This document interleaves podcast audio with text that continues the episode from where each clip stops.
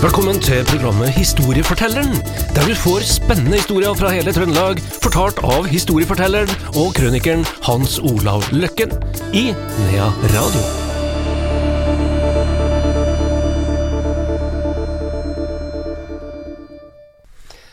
Historiefortelleren med spesialutgave jul tilbake igjen. Hans Olav Løkken og Andreas Reitan er her. Vi er faktisk ferdig med julaften, og skal i gang med mellomjula, Hans Olav. Og det starter jo med første juledag. Det, det var en eh, lang dag når jeg var liten. ja. Veldig lang dag. Eh, der fulgte vi tradisjon.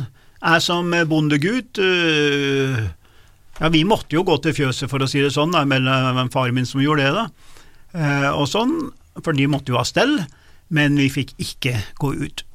Og eh, det der jeg tenkte på når jeg flyttet ut hjemmefra, at når jeg kom til andre plasser i Norge, så var det gudstjeneste første juledag. Og det er det på de fleste menigheter i Norge i dag, tror jeg. Men jeg kan ikke erindre at vi hadde det, så jeg tror ikke det var gudstjeneste første juledag, det var andan. Eh, fordi at du ikke skal gå ut. Nå er det mulig at jeg tar feil, da, her. Men eh, i min familie så var vi ikke ute, og det er klart, eh, hvis du har fått en julegave som du hadde lyst til i gåseøynene å prøve, så var det jo klart at den dagen var steika lang. Utrolig lang, altså.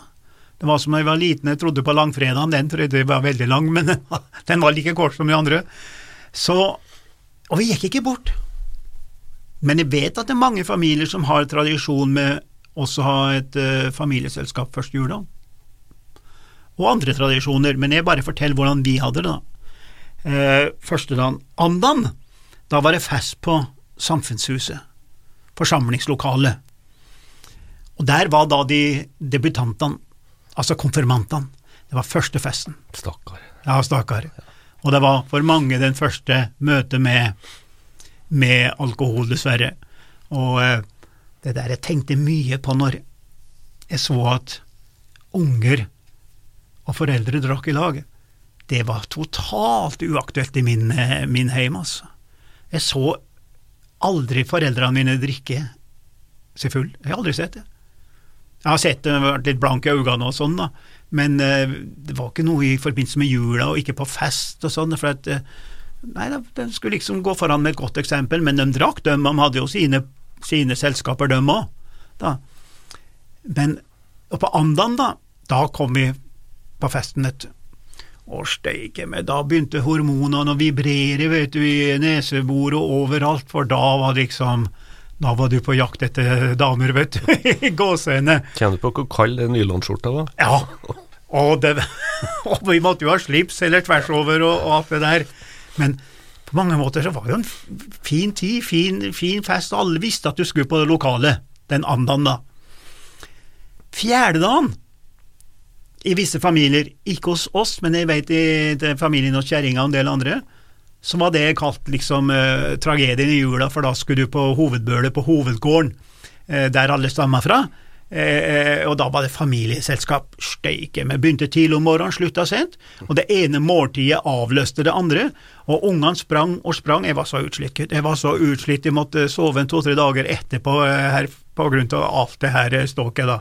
Men, men jeg hadde ikke det fordi at mitt liv ble så dramatisk forandra akkurat eh, eh, omkring 16-års, eh, 15-16-årsalderen, så forandra hele livet og gården seg, og alt sammen forandra seg, så har det vært omsorgsproblemer og alt sånt. da. Så det er en helt annen historie, men jeg har jo jeg vet jo hvordan naboene hadde, og en del andre hadde det. Og eh, man kan jo flire og synes det er litt sånn komisk, og jeg gjorde jo det, jeg òg, men i ettertid så er det nok kanskje ikke så dumt det her eh, familieselskapet, lange, slitsomme familieselskapet, for det, kommer jo, det er folk som reiser 100-200 mil for å komme til akkurat det der eh, selskapet. Og det er jo alltid dårlig vær i jula. Pussig nok. Steindårlig vær, og det er flytrafikken hoper seg opp, og det er elendig. og Jeg husker vi sleit oss ut vi fra Nord-Norge og skulle hjem til Trøndelag og sånn. Det var noen forferdelige reiser, og bilen klikka og ja, Bare plager. Jeg forbinder bare plager med de der turene, altså. Men eh, det er noe positivt i det, selvfølgelig, og det ligger flere hundre år tilbake om å samles i jula, da. Så juletrefest. Juletrefesten. På skolen som lærerinna hadde. Jøken håra med, altså. Da var det ikke å stille opp i noe dongeri, nei. Da måtte du ha hvit skjorte da òg, vet du, og tvers over eller slips, da, og sånn. Og jentene, vet du, de hadde jo kjoler, vet du, og da ja, Jeg må få lov til å si det, Andreas, men da var jenter jenter, og gutter var gutter, altså. Og så skal jeg ikke si så mye mer om det, men det var utrolig hva vi eh, fløy etter hverandre der, og du plukka ut dem du likte. Og eh, prøvde på dans. Jeg gikk på danseskole, jeg, vet du. Og steike meg gikk på danseskole, gitt. Det var eh, Så, så vi, vi, vi drista oss utpå. Og ja, gud hjelpe meg hvor pene de var, jentene.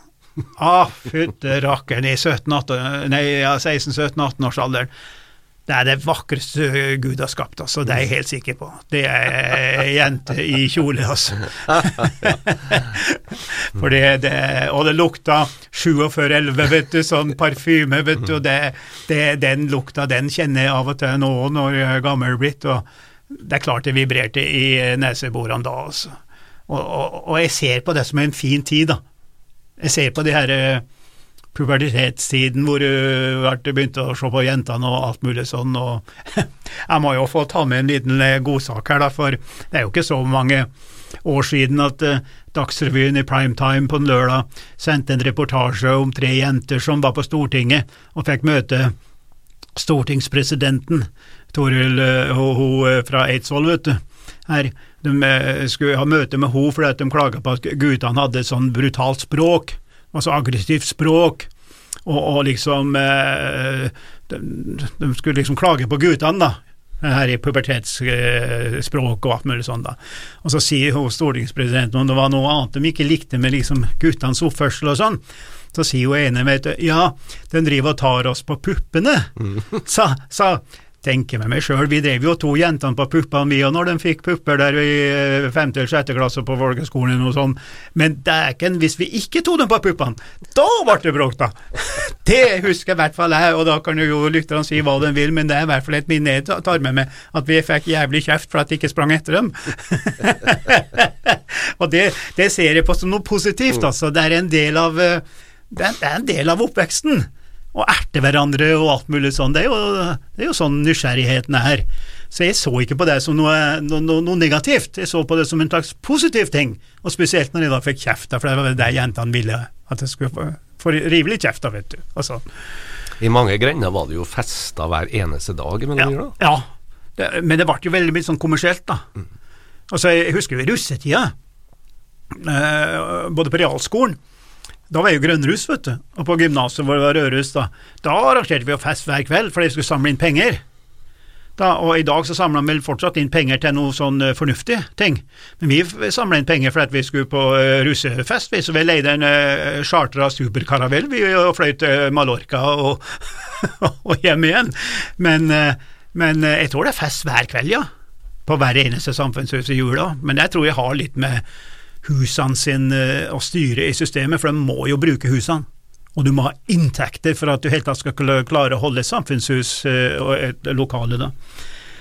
Eh, men så må vi gå litt over til det her når, når jula slutta, da. Der er det forskjellig der, skjønner du. Jula hos oss, når jeg var liten, slutta den 20. januar. Og jeg tror jeg vet årsaken til det, for Opprinnelig så var det sånn med jula da, at uh, det var 6. januar, altså 13. dagen. Og så utvikla det seg til 20. dagen. Og så tror jeg våre min familie har tatt det der i 20. dagen til, over til 20. januar, men det er jo ikke 20. dagen, det. Så nå 13. januar og sånn. Men det er den 6. januar på mange måter som jeg ser går mest igjen i tradisjonsfortellingene. At da var jula slutt her. Men, eh, men eh, det her uttrykket med at jula var helt til påske, det er vel ganske mye sannhet i det, tror jeg, da. For jeg har vel inntrykk av at når jeg er ute og går turene mine, så kommer det et juletre blåsende en gang iblant foran det. Ja, ja, Rett før påske òg, ja. ja. rett før påske. Da når det liksom begynner å bli bart, så kommer det et juletre som ikke noen har, har, tatt vare på. Og så har vi jo dette her problemet i dag. da. Eller ikke problem, men som har forandra tradisjonene. Skal du ha ditt eget juletre, eller skal du kjøpe et plastikkjuletre? Der er det diskusjon, og nå ser jeg jo at juletreselgere, som er storindustri i USA, Jeg har vært eh, hos en familie som lever av å selge juletre. Altså, de dyrker og ordner, har store eh, skoger og sånn. De er nå engstelige, fordi at det ser jo bare på torget, det er jo mindre juletre nå, eller var bare for noen få år tilbake, for nå har alle sånn, du trykker på en knapp, og så står det jo treet ferdig.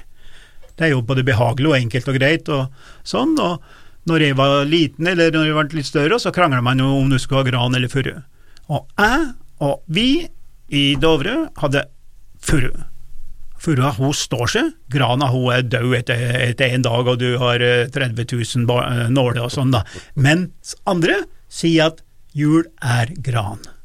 Det må en godta, men du må også godta at i visse fjellbygder så er furua juletreet. Og Så får den bare diskusjonen være, da. Så er vi snart ferdig, for vi må ha med nyttårskvelden. Da skyter vi jo, vet du. Ikke bare julaften. Nei, så vi har jo drevet og skutt inn den der jula, vet du, med Krag Jørgensen og Mauser og sånn. Og så skal vi skyte igjen, da. Nyttårskvelden.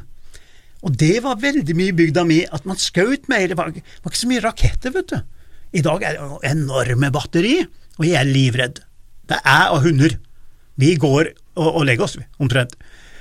Og grunnen til at jeg er så redd, og som jeg har nesten nekta mine å, å, å gå ut og, med raketter og sånn, det er jo den kombinasjonen mellom raketter og alkohol, da. Og var jo sønnen og direktøren på hotellet hos oss fikk jo en midt i øyet, da. Det, da var jo der, og eh, det det, det, det, liksom knuste liksom alle tanker om å drive med raketter, altså. For det er Hver eneste jul så går det et øye eller to osv. osv. Det er ikke det jeg sier at man skal slutte med det, men det er jo litt sånn småfarlig, og jeg er veldig redd det der, da. Jeg og hundene. Da. Men, eh, men det er en tradisjon som er antagelig så gammel at vi snakker om tusenvis av år tilbake. At nå feirer man også det her at det går mot lysere tider og, og, og, og bedre tider i, i den forstand, da. Så hadde vi noe som het norskaften i mange bygder. Det er ikke noe som tilhører byene, men, men, i bygdene så var det de her hotellene som arrangerte norskaften. Det var altså et, det var et julebord etter jul, på mange måter, med renhakka tradisjonsmat, norsk, og bare folket låre. Bare norske eh, ting, med leikering. dans Jeg dansa oppvisning i seks år, jeg tror det dere, altså, men jeg dansa leikering jeg, som profesjonell i gåseøyne. Ja, og eh, var karnefart, som også tilhører jula. Og jeg kjørte første hesten da jeg var 14 år gammel. Og det er på kanten, altså, fordi det er ikke alle hester i dag som er trena for karnefart, og hvis en hest løper ut, så har du ikke mye å stille opp med. Og der hadde vi da amerikanere og rike turister oppi og sånn, og jeg har tenkt med gru på om det har skjedd noe med de amerikanerne. Det har jo vært eh, ja, det har jo vært konk tvert, ja. med rettssaker og alt mulig. Men det var en tradisjon. Og hele bygda stilte opp og så på det her karnefarten som da de her hotellene arrangerte, da. Med sånn halvfulle turister, da. Og, sånn. Og den enorme maten da som var julebordet etter jul. Og du hadde titler, du hadde spesielle klær på det, og det var vel det norskeste av det norske der, da. Og de som ikke var med på det her, ja, de satt nå hjemme og så på finsk fjernsynsteater. ja. Takk skal du ha, Hans Olav Løkken. Skal vi si eh, riktig god jul? Riktig god jul. Og godt nyttår når den tid kommer.